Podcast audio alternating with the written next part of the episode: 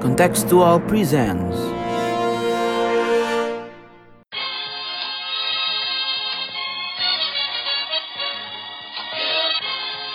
sondern wir schaffen uns unseren Staat.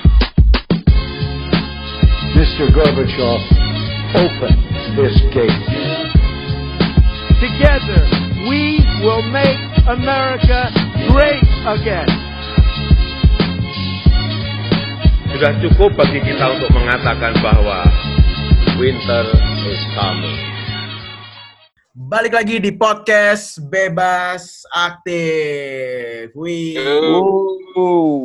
Hari ini kita eh, formasi klasik. Yo, formasi episode pertama. Eh, ada gua Hafiz, ada Mas Abid, ada Sofwan, dan ada Ikal. Hai hai. Hari ini mau ngomongin apa kita nih, Cal? Wah, yang seru-seru kayaknya selalu datang dari Tiongkok gak sih? Iyo. Seru- seru-seru dari Hong Kong. Iya.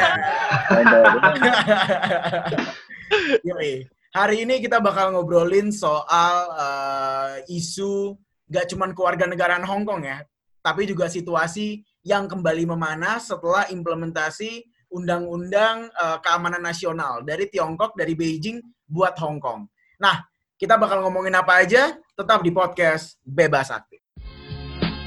Mr. Gorbachev, open this gate. Together, we will make America great again. Oke, eh, kita masuk ke segmen pertama. Sebelum itu, jangan lupa buat eh, follow Instagram dan Twitter kita @kontekstualcom. Jangan lupa juga buat subscribe YouTube kita eh, Kontekstual Media. Kita juga naruh podcast ini di YouTube. Jangan lupa juga buat baca-baca artikel kita www.kontekstual.com dan tentunya follow Spotify ini, follow podcast Bebas Aktif. Oke, langsung masuk, Cal. Oke. eh, jadi sebenarnya kita ini nih gue gue menemukan satu apa ya satu memes. Jadi kan emang semenjak Hong Kong protes warga negaranya kan udah mulai banyak tuh yang ngeluarin memes-memes ya nggak sih, Fis?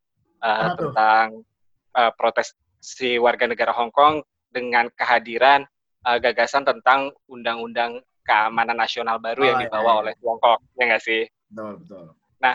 terakhir itu yang gue lihat memes tentang new normal bagi Hong Kong. Jadi kalau buat kita kan new normal itu pakai masker segala macam ya. Kalau buat Hong Kong new normal adalah kembali protes, kembali ke jalan untuk protes gitu.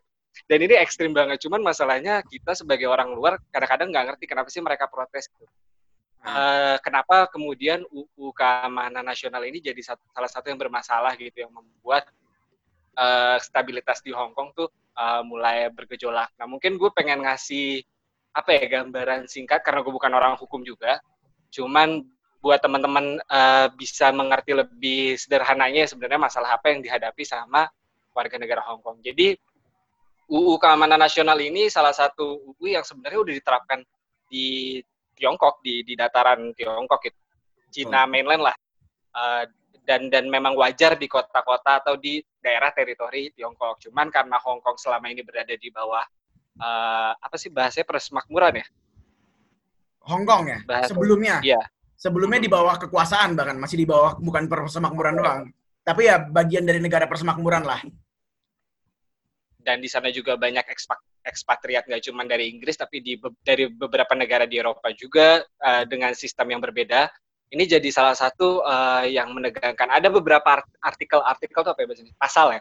Ada beberapa pasal yang kemudian di highlight sama orang-orang eh, Hong Kong yang coba dibawa Tiongkok ke dataran atau teritorinya Hong Kong. Yang pertama mungkin yang bermasalah itu artikel 29 atau pasal 29 yang mengatakan bahwa eh, di Hong Kong bakal diterapkan siapa pun yang mengkritik pemerintah Tiongkok atau otoritas Hong Kong eh, dan bersekutu dengan pihak asing bahasanya gitu ya, menyebarkan kebencian, memprovokasi dan lain sebagainya itu bisa dianggap sebagai tindak pidana.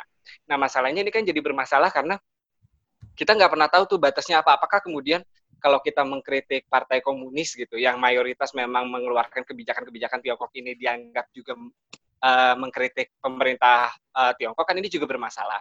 Terus kemudian dari artikel 29 ke artikel 55 tentang eh, bahwa apa ya orang-orang yang kemudian di uh, sebentar gue gue lihat uh, ininya dulu ya contekannya. Jadi orang yang tinggal di uh, Hong Kong nggak cuma di 55 doang ya.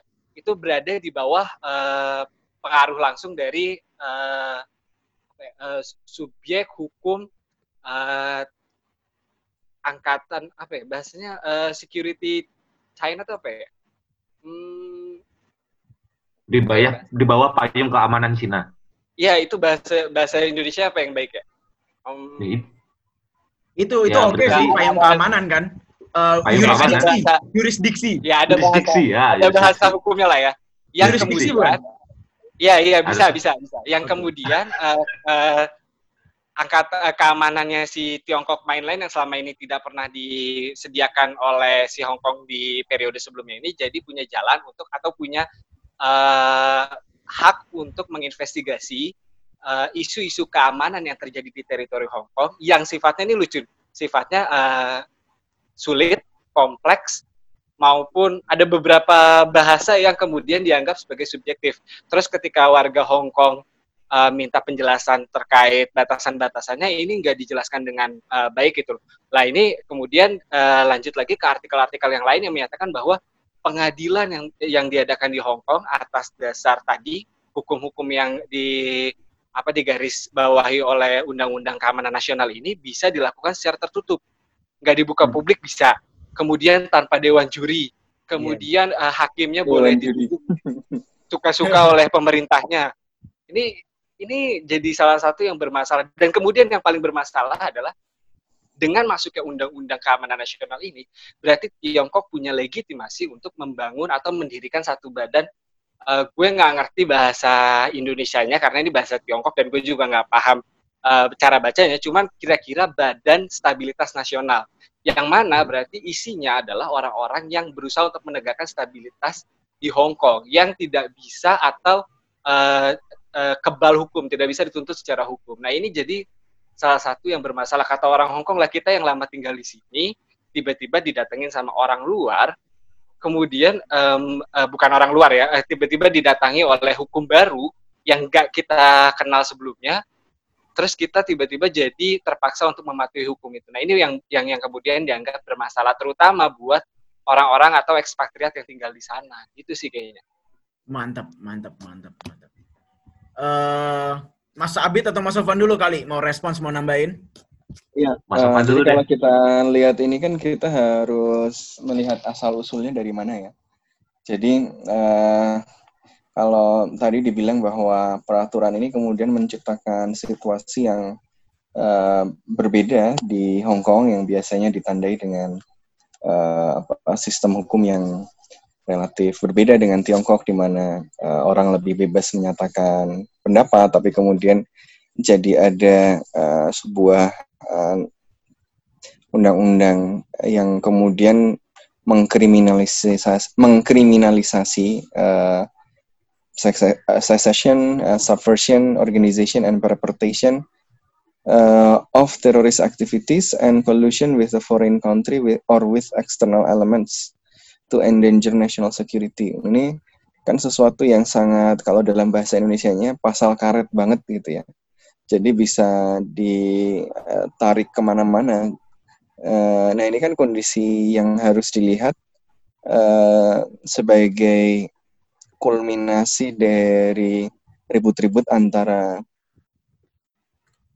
Hong Kong, ya, terutama para demonstran uh, yang menentang waktu itu uh, undang-undang uh, apa peraturan revisi terhadap uh, peraturan mengenai uh, apa pengadilan ya mengenai repatriasi foreign uh, repatriation uh, ketika melakukan uh, suatu kejahatan uh, yang kemudian uh, menjadi demo yang uh, terus berlanjut yang tidak bisa dikendalikan oleh uh, otoritas Hong Kong ini membuat uh, Beijing kemudian uh, tidak bisa apa ya uh, percaya bahwa ya Hong Kong ini bisa dikendalikan dengan cara yang lama gitu.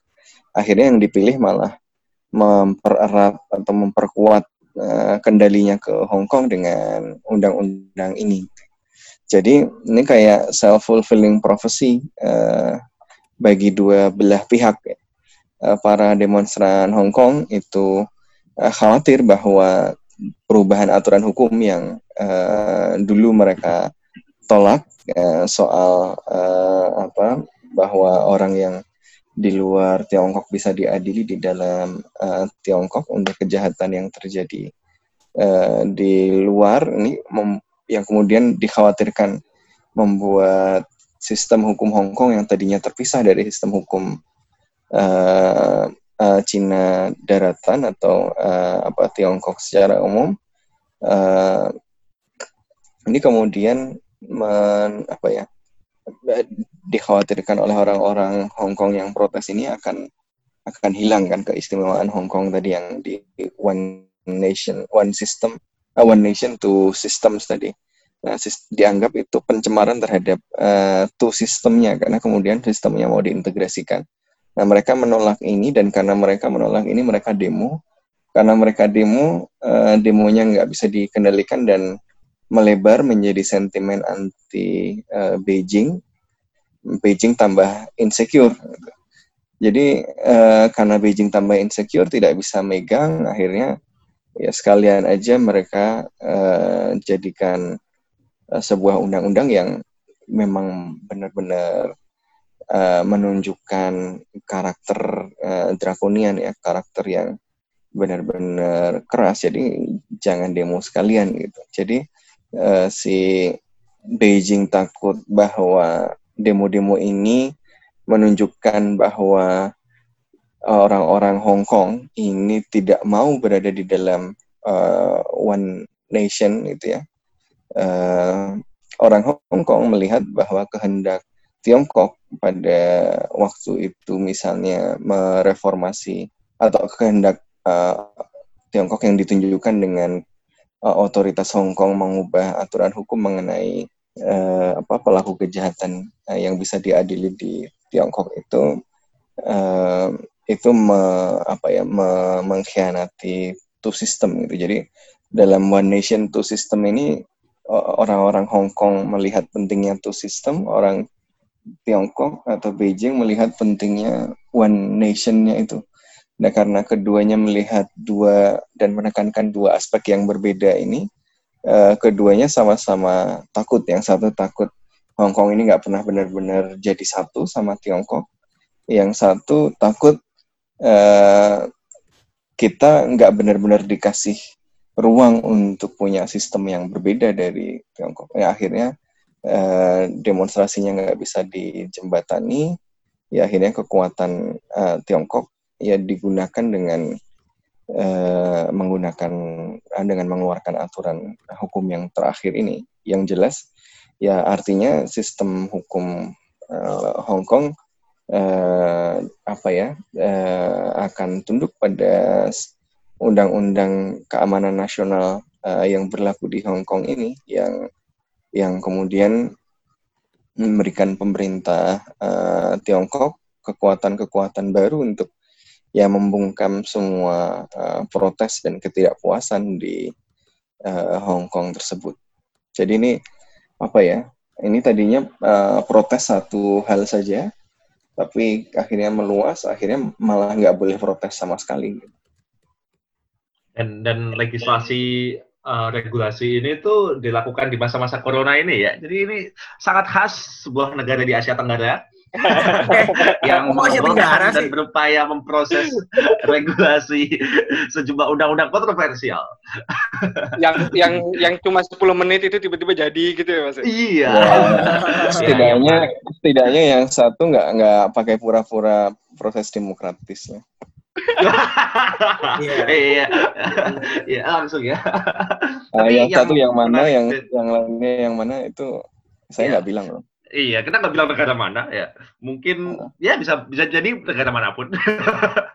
Tapi menurut gue yang menarik dari uh, segala hingar-bingar uh, Hong Kong ini ya, selain kita kemarin disibukkan dengan hingar-bingar mau di Ayunda yang live IG berantem sama pacarnya adalah fakta bahwa adalah fakta bahwa kesempatan uh, aduh jangan dong eh, fokus fokus adalah fakta bahwa uh, ini menguji kembali tesis apakah uh, Cina akan semakin terbuka. Apakah Cina akan peaceful? Uh, to say, apakah ini memenuhi uh, janji bahwa Cina akan menjadi uh, negara yang akan bangkit sebagai kekuatan baru dunia yang mulai menerima liberalisme, menerima demokratisasi dan uh, dan hal-hal seperti itu. Uh, kenapa kenapa ini menjadi penting untuk di, diletakkan kembali sebagai sebuah framework? Karena jelas ini yang dilakukan oleh Cina terhadap Hong Kong ini kan nggak bisa dikatakan demokratis, susah dikatakan demokratis. Terlebih nggak hanya proses proses apa namanya proses uh, legislasi regulasi ini uh, menggunakan instrumen kekuasaan, tetapi juga didorong dengan kekuatan itu ya dalam tanda kutip buzzer buzzernya uh, apa namanya Beijing yang ingin mengupayakan bahwa uh, opini publik di Hong Kong itu lebih pro terhadap uh, kemaunya Beijing meskipun pada banyak kasus ini gagal ya.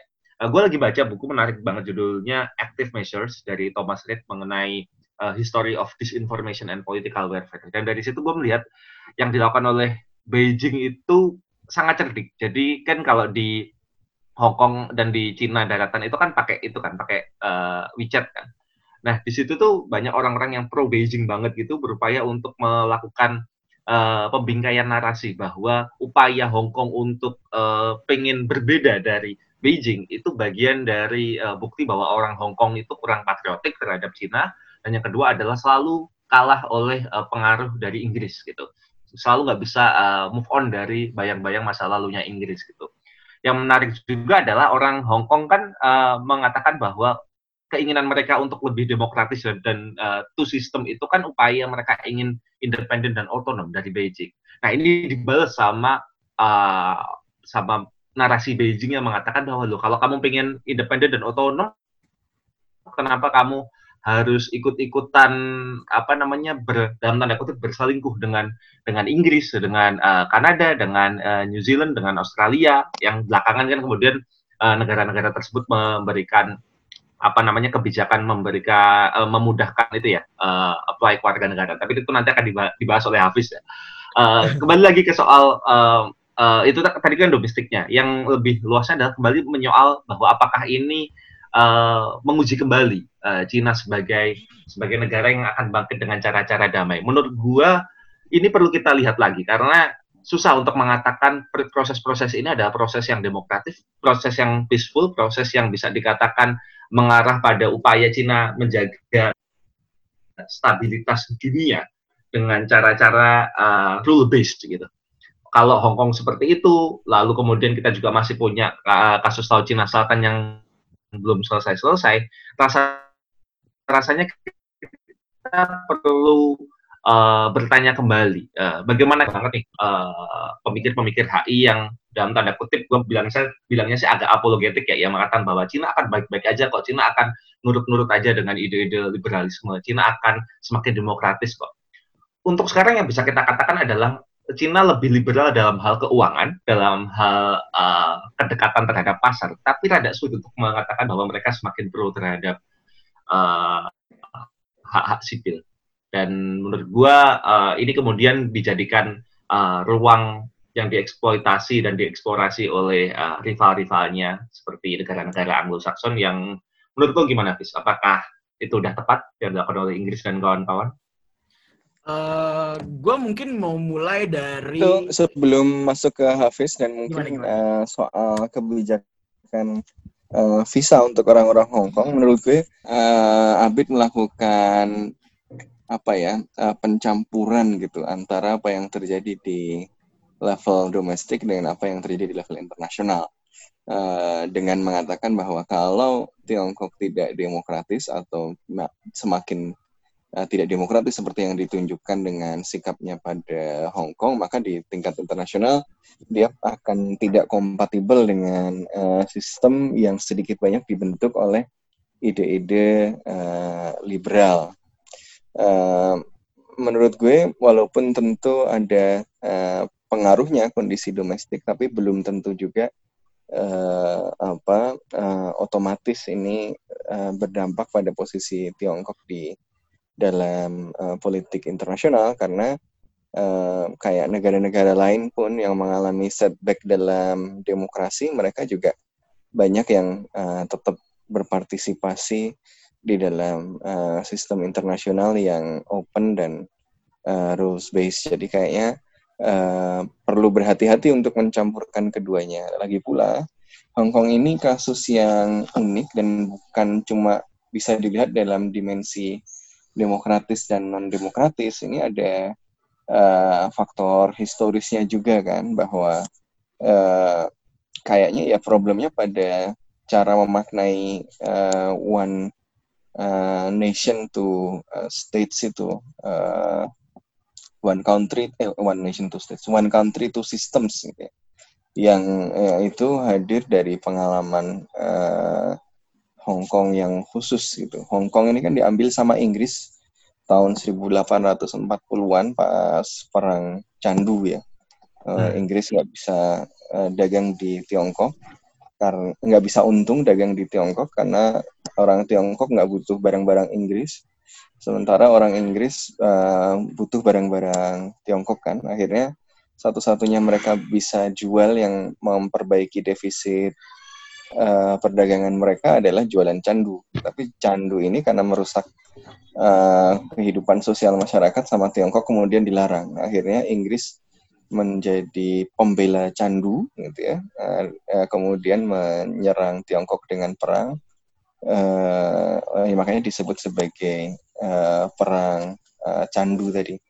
Nah hasil dari perang candu ini Tiongkok kalah karena kalah salah satunya dapat konsesi namanya Hong Kong yang baru nanti dikembalikan uh, sama Inggris uh, pada tahun 80-an, tahun 84 uh, Inggris nih favoritnya Hafiz juga nih Thatcher ya.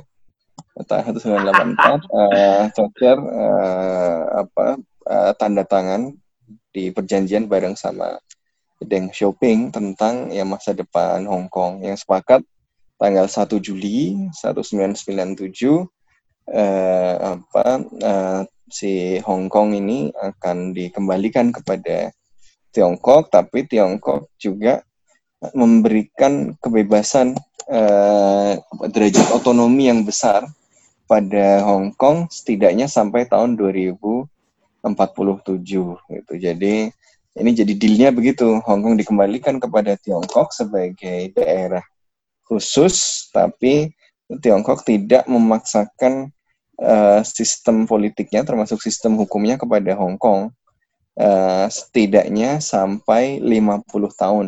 Jadi itu yaitu sampai tahun 2047. Jadi one country two systems tadi. Nah ini bedanya uh, orang-orang Hong Kong yang demo-demo itu fokus pada two systemsnya, fokus bahwa sekarang ini masih belum 50 tahun dan mereka dalam waktu itu ya tetap ingin independen uh, dalam hal uh, pengaturan hukumnya, pengaturan ekonominya dan lain-lainnya. Sementara Tiongkok melihat ini sebagai fase menuju one country tadi.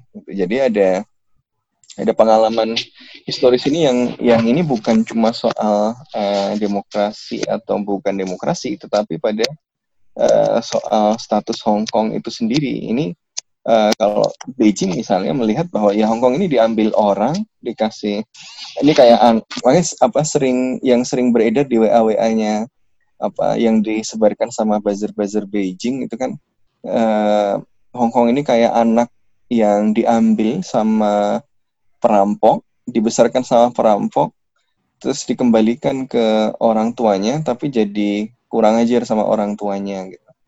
Jadi kan uh, apa ya ya ini cara melihatnya itu uh, berbeda dengan uh, jadi Hong Kong gitu. Jadi ada cara melihat yang hmm. berbeda uh, dalam ini. Jadi bukan cuma soal apa uh, demokrasi dan non demokrasi. Well, menurut gua mas, uh, kenapa gua rada skeptis tadi itu karena memang exactly seperti yang Mas Sofan bilang bahwa Hong Kong ini itu in between domestic affairs dan international affairs karena hmm. ya ini kan masih proses mengintegrasikan kan. Oke, kalau misalkan kita nggak bisa pakai argumentasi uh, apa demokratis dan demokratis, meskipun gue yakin kalau basisnya adalah uh, demokratis, ada kemungkinan besar kayak apa korelasinya akan lebih besar. There is more hmm, chance, hmm. there is uh, likely, more likely to uh, to adhere and uh, obey uh, rule based uh, order ya. Nah, masalahnya adalah oke okay lah kita buang uh, kita buang untuk sementara itu aspek demokratis dan nggak dan nggak demokratis ya. Tapi setidak-tidaknya rule based lah uh, bisa lah untuk me, me, me, me, memfulfill janjinya yang katanya itu 50 tahun baru akan benar-benar diintegrasikan. Nah, nyatanya sekarang itu mereka tidak bisa melakukan itu gitu loh. Integrasinya dilakukan menggunakan instrumen kekuasaan yang uh, yang ini juga, yang akan yang pada dasarnya juga menimbulkan tanda tanya lagi dong bahwa oke okay, ini bukan persoalan demokrasi dan demokrasi tapi sejauh mana sih Tiongkok bisa uh, apa namanya komitmennya itu bisa dipegang gitu urusan urusan perjanjian yang udah disepakati yang udah ditandatangani oleh semua pihak yang ada di situ. Nah setback setback seperti ini gue nggak bisa melihat bahwa ini adalah hal yang positif buat Tiongkok yeah, yeah, yeah. Uh, secara internasional. Melihatnya gue yakin siapa pun uh, masyarakat internasional meskipun kita tahu bahwa uh, Tiongkok melakukan uh, apa namanya melakukan tanda-tanda bahwa mereka akan lebih berkomitmen pada uh, international order di lain uh, di beberapa hal lain kayak misalkan di uh, urusan climate change, sustainability. Tetapi pada kasus ini kasus yang melibatkan uh, apa namanya aspek politik dan keamanan yang lebih kental kenapa menjadi susah sekali gitu yang ini gue gua rada di satu sisi rada memahami juga karena memang aspek keamanan dan politik biasanya jauh lebih sensitif gitu ya. Uh, tetapi di satu sisi ini bukan hanya persoalan keamanan dan politik aja, ini persoalan lo komitmen nggak sama perjanjian yang lo udah tanda tangani gitu. Nah, cara-cara ini, uh, cara-cara ini menurut gue uh, perlu perlu uh, direspon uh, atau setidaknya diinterpretasi secara lebih kompleks ya uh, bagi masyarakat internasional, entah dari sudut pandang Indonesia, dari sudut pandang eh, negara-negara uh, Barat atau negara uh, negara-negara berkembang lainnya. Ini ini menjadi pelajaran penting uh, betapa uh, Tiongkok ini kompleks. Kita susah untuk mengatakan bahwa dia uh, benar-benar peaceful rise, tetapi juga tidak bisa mengatakan bahwa dia enggak peaceful rise gitu. Ini uh, wajahnya ini kan kompleks ya. Nah, untuk itu menurut gue lagi-lagi ini menjadi pembelajaran uh, dan perlu dilihat uh, bagaimana uh, dinamikanya nanti berkembang seperti apa gitu. Gue gue gue berharap tentu saja gue berharap bahwa Cina akan menjadi lebih peaceful, uh, Cina menjadi lebih committed sama perjanjian-perjanjian uh, internasional dan bangkitnya Cina dengan cara-cara yang baik, dengan cara-cara yang memenuhi aturan internasional ataupun aturan domestik yang dia sepakatinya sendiri, menurut gue akan sangat baik bagi hubungan internasional khususnya di kawasan Asia Pasifik dan Asia Tenggara ya karena Cina bagaimanapun juga bagian dari bagian penting dari uh, tatanan ekonomi uh, di dunia dan khususnya di uh, regional Asia. Uh, gue sangat berharap itu. Jadi gue uh, gue skeptis tapi gue sangat berharap bahwa skeptisisme gue itu terjawab dengan baik oleh uh, pemerintah Beijing. Nah, sangat cari aman. tapi benar, tapi nah, ini, uh, kita lanjut ke sesi dua kali ya soal pertanyaan buat Hafiz tadi. Ini karena oh, iya. kemudian dari uh, kondisi yang terakhir ini, di mana Tiongkok langsung menggunakan tangan besinya, terus kemudian ada wacana menerima warga negara uh, apa uh, kewarganegaraan untuk orang-orang Hong Kong yang uh, khawatir dia menjadi uh, sasaran uh, hukum yang baru ini dari uh, Tiongkok. Oke, tetap di podcast Bebas Aktif. Mr. Gorbachev, open this gate. Together, we will make America great again.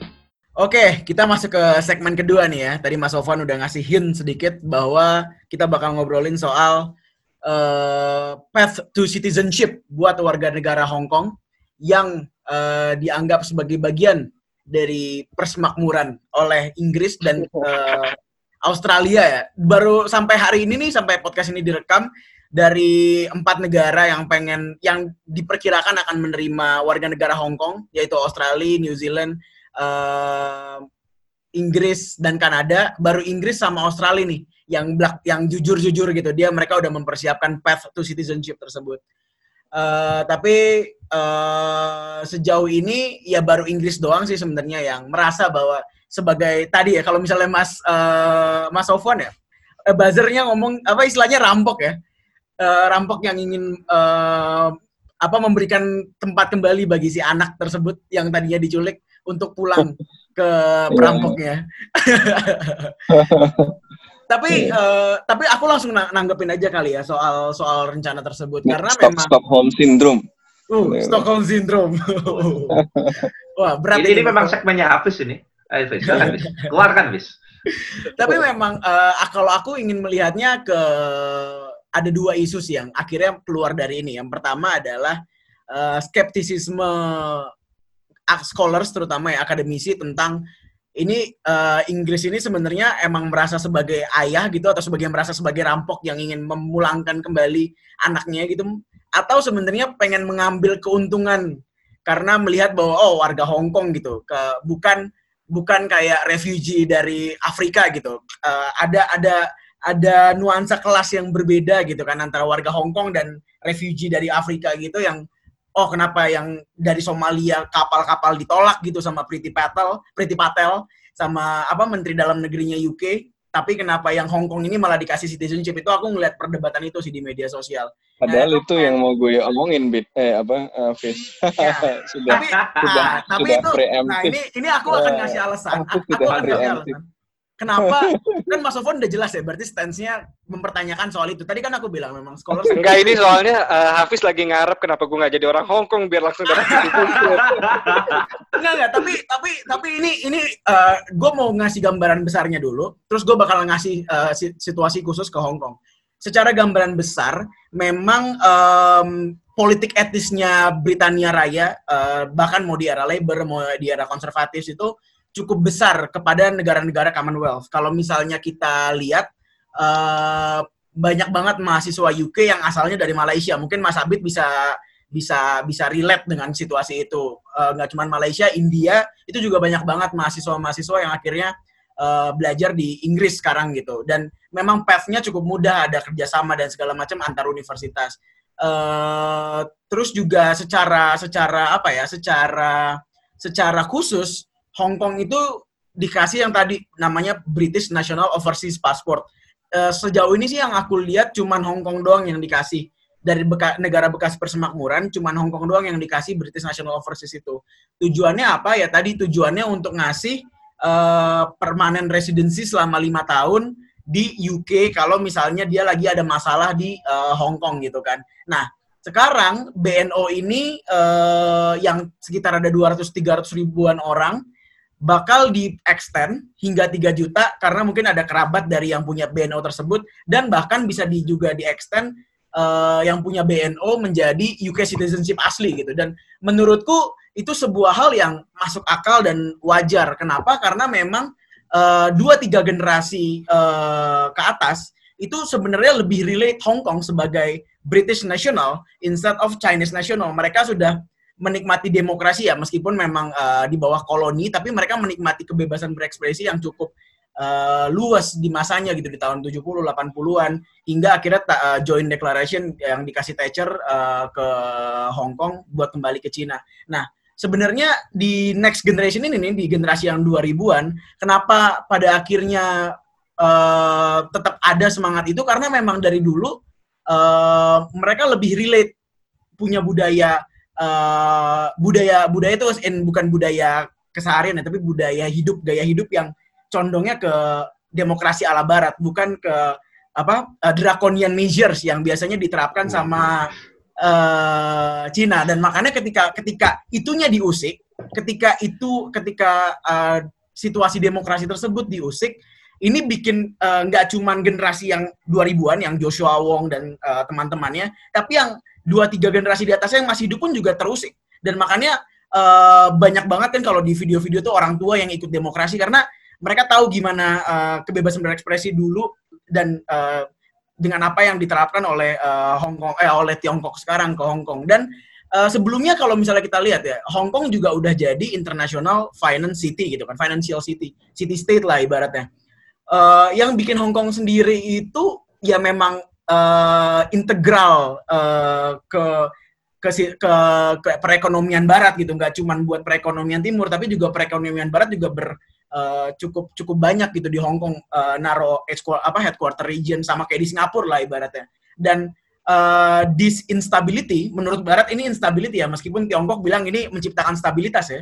Tapi buat Barat ini instability itu bakal bikin situasi bisnis mereka juga terganggu gitu. Jadi memang kalau ngomongin soal interest, interestnya lebih ke arah ya si Hong Kong sebagai international financial city instead of Hong Kong sebagai uh, masyarakat yang terdidik gitu mungkin di kalau dibanding pengungsi yang lain dan itu yang membuat aku merasa kenapa UK UK terlepas dia udah keluar 20 tahun lalu sebagai uh, pemilik resmi dalam tanda kutip Cina eh Hong Kong itu masih pengen uh, masih pengen ngasih ter, hal tersebut. Dan yang aku bingung ya ini ada kontradiksi banget. Kenapa Cina ngasih izin buat dual citizenship uh, tapi at, at the same time mereka nggak ngasih si citizenship yang lain itu untuk uh, exercise their their power gitu. Kayak Indonesia Indonesia jelas kan kita nggak ngasih uh, dual citizenship gitu. Meskipun mungkin banyak orang-orang yang uh, masih ada setengah Belanda atau setengah Jepang yang tinggal di Indonesia. Jadi memang uh, menurutku harusnya sih nggak kayak gini gitu apa yang dan menurutku langkah yang tepat ya.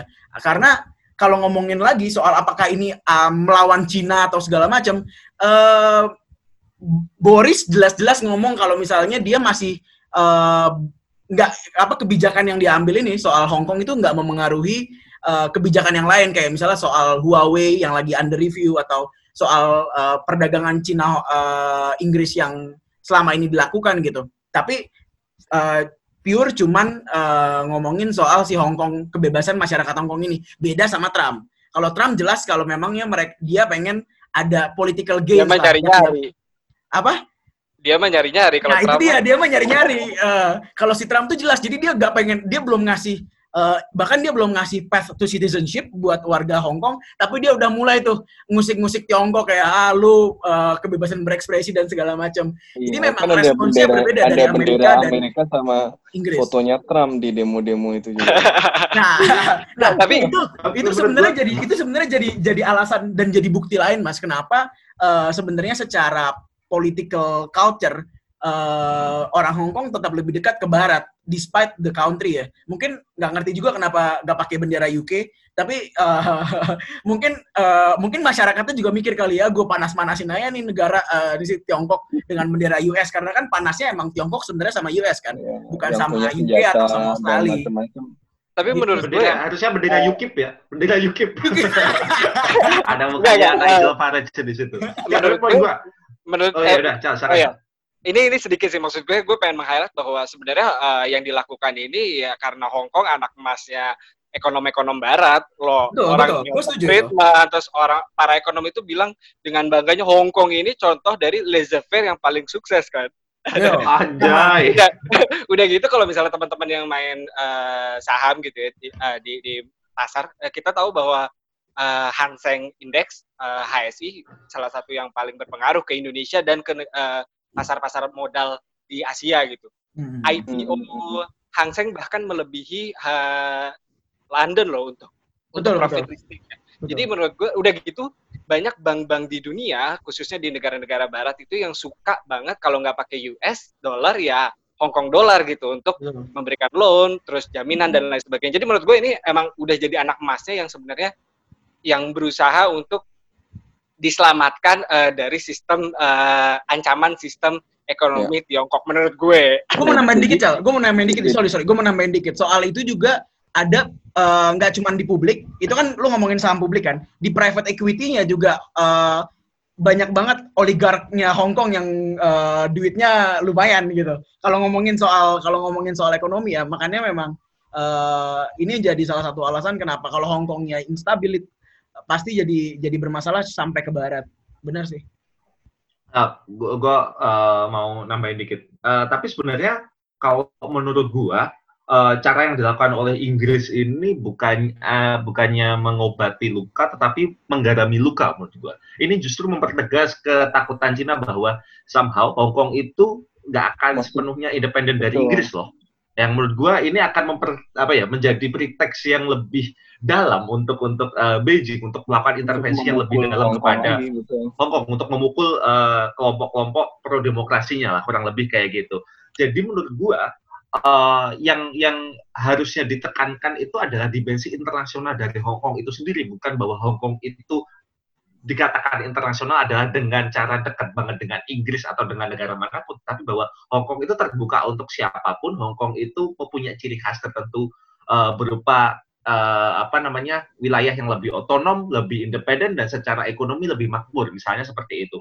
Dan kemudian menurut gue ini juga sebenarnya jadi tantangan buat Hong Kong sendiri maupun untuk uh, Cina untuk membuktikan bahwa uh, negara apa dua dua entitas ini bisa memenuhi janji sebelumnya loh janji sebelumnya Hong Kong adalah bahwa oke okay, Hong Kong akan two akan berada dalam two system one country Uh, tetapi dengan catatan mereka lebih independen dan lebih otonom. Dengan mendekat kepada uh, pihak luar yang itu kelihatan banget uh, dalam tanda kutip adversary terhadap Cina, menurut gue itu itu sangat kontraproduktif itu. Di satu sisi hmm. Cina juga perlu untuk menunjukkan bahwa komitmen yang lebih terhadap uh, Hong Kong dan terhadap publik internasional bahwa kalau uh, kalau gue tuh bisa loh dipegang omongannya kalau gue akan me, me, me, menempatkan Hong Kong sebagai wilayah yang lebih internasional lebih terbuka dan sebagai bagian dari janji gue untuk menjadi lebih ramah terhadap uh, tatanan dan publik internasional menurut gue seperti itu dan ini kan uh, contoh contoh hmm? klasik dari mutual distrust gitu Beijing nggak ya. percaya Hong Kong mau uh, menaati one uh, country to system itu karena dia tetap nggak mau jadi one country gitu kan. Uh, ditunjukkan dengan kedekatannya pada Amerika pada uh, Inggris dan macam-macam.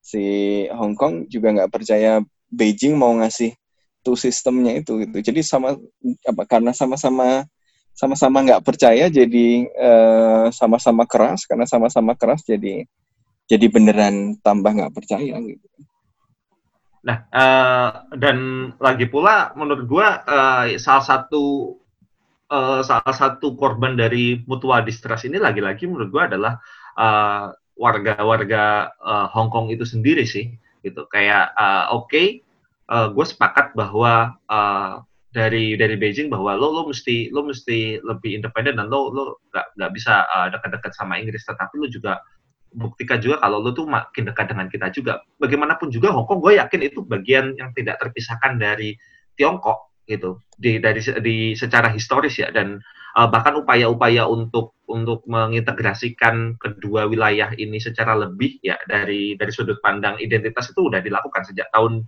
uh, 2007 kalau nggak salah kayak lagu kebangsaan itu wajib diputar lalu orang-orang itu dibikin lalu lintas uh, dari uh, wilayah Cina dan Hong Kong itu jadi lebih luas kayak gitu menurut gue udah udah dilakukan dan itu merupakan uh, cara yang uh, cukup fondasio fondasional untuk membuat uh, hubungan kedua entitas ini jadi lebih lebih lebih dekat lagi gitu. Apalagi uh, bagaimanapun juga kita nggak bisa me menafikan peran penting dan signifikannya secara ekonomi Hong Kong dan Cina itu bagi bagi dunia. Jadi menurut gue perlu perlu perlu apa ya perlu solusi dan alternatif baru lah uh, dengan dengan dengan lebih demokratis, lebih rule based dan tentu lebih independen dari kekuatan uh, luar mana pun. Bukan begitu Mas Afan?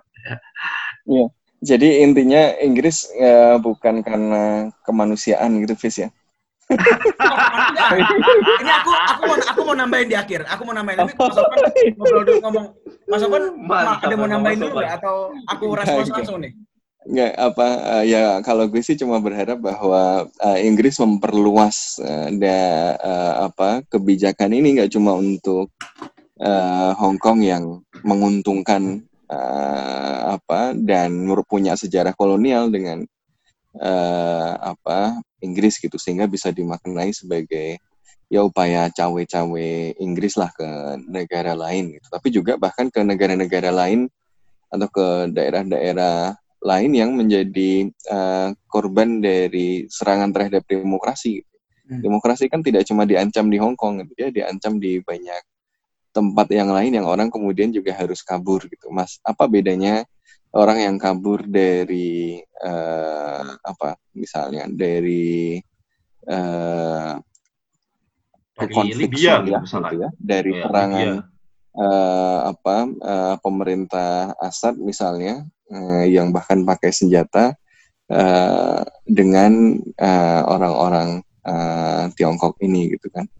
Uh, jadi ya harus malah dibuka lebih uh, luas lagi dan dan ini untuk menunjukkan bahwa komitmen Inggris ini bukan kepada uh, apa uh, pengalaman uh, kolonialnya yang masih dia coba lanjutkan, tapi ya memang uh, ini terbuka untuk uh, apa semua orang gitu ya dan bahwa semua orang uh, punya kesempatan untuk bersama-sama membangun ekonomi uh, ekonominya bersama Inggris gitu gitu kan Face Ah, gini mas, yang mungkin yang mungkin Mas Ofwan dan mungkin Mas Abid juga uh, kurang uh, lupa adalah uh, bahwa ini bukan untuk seluruh warga Hong Kong gitu. Kan warga Hong Kong ada lebih dari 6 juta I think ya. Uh, tapi yang punya British National Overseas dan eligible untuk apply itu ada 3 juta doang. Dan itu jadi alasan kenapa Inggris mau uh, masuk ke Hong Kong dan tidak mungkin Mas Sofwan bilang tidak lebih terbuka dengan negara-negara yang uh, juga sedang tidak uh, dalam rezim demokrasi gitu dari uh, pengungsi politik dari Afrika misalnya, dari dari Libya, dari dari dari Syria misalnya. Karena memang uh, secara legal pun mereka uh, hanya ngasih ke British National Overseas tersebut yang memang udah dikasih jauh sebelum National Security Law ini jadi omongan gitu. BNO ini udah dikasih dari uh, Joint Declaration dari tahun 97 dari uh, Hong Kong dikasih ke Cina. Jadi memang dual citizenship ini udah berlaku jauh sebelum situasi ini ada. Dan uh, dan yang kedua adalah sebenarnya uh, yang perlu juga yang perlu dipahamin adalah ini jadi kayak upaya Inggris untuk um, melindungi warga negaranya sebenarnya karena kan British National Overseas Passport gitu kan partially itu jadi usaha pelindungan warga negara yang juga menjadi warga negara Tiongkok yang jadi masalah hmm. adalah uh, Tiongkok itu tidak menghargai British National Overseas dengan menerapkan National Security Law. Karena dengan NSL tersebut berarti uh, semakin teriris tuh nilai-nilai British uh, nilai-nilai demokrasi Barat yang ada di dalam Hong Kong dan at, this, at, the, at that means uh, orang yang punya British National Overseas pun haknya juga terkikis gitu untuk bersuara dan segala macam. Nah si Brit si Inggris ingin melindungi hak tersebut gitu. Jadi kalau misalnya kemarin National Security Law nggak jadi diimplementasi oleh Tiongkok, itu sebenarnya uh, Inggris nggak bakal buka BNO uh, eh, jadi UK citizenship. Selama ini memang udah ada path-nya kalau kita pengen jadi warga negara UK.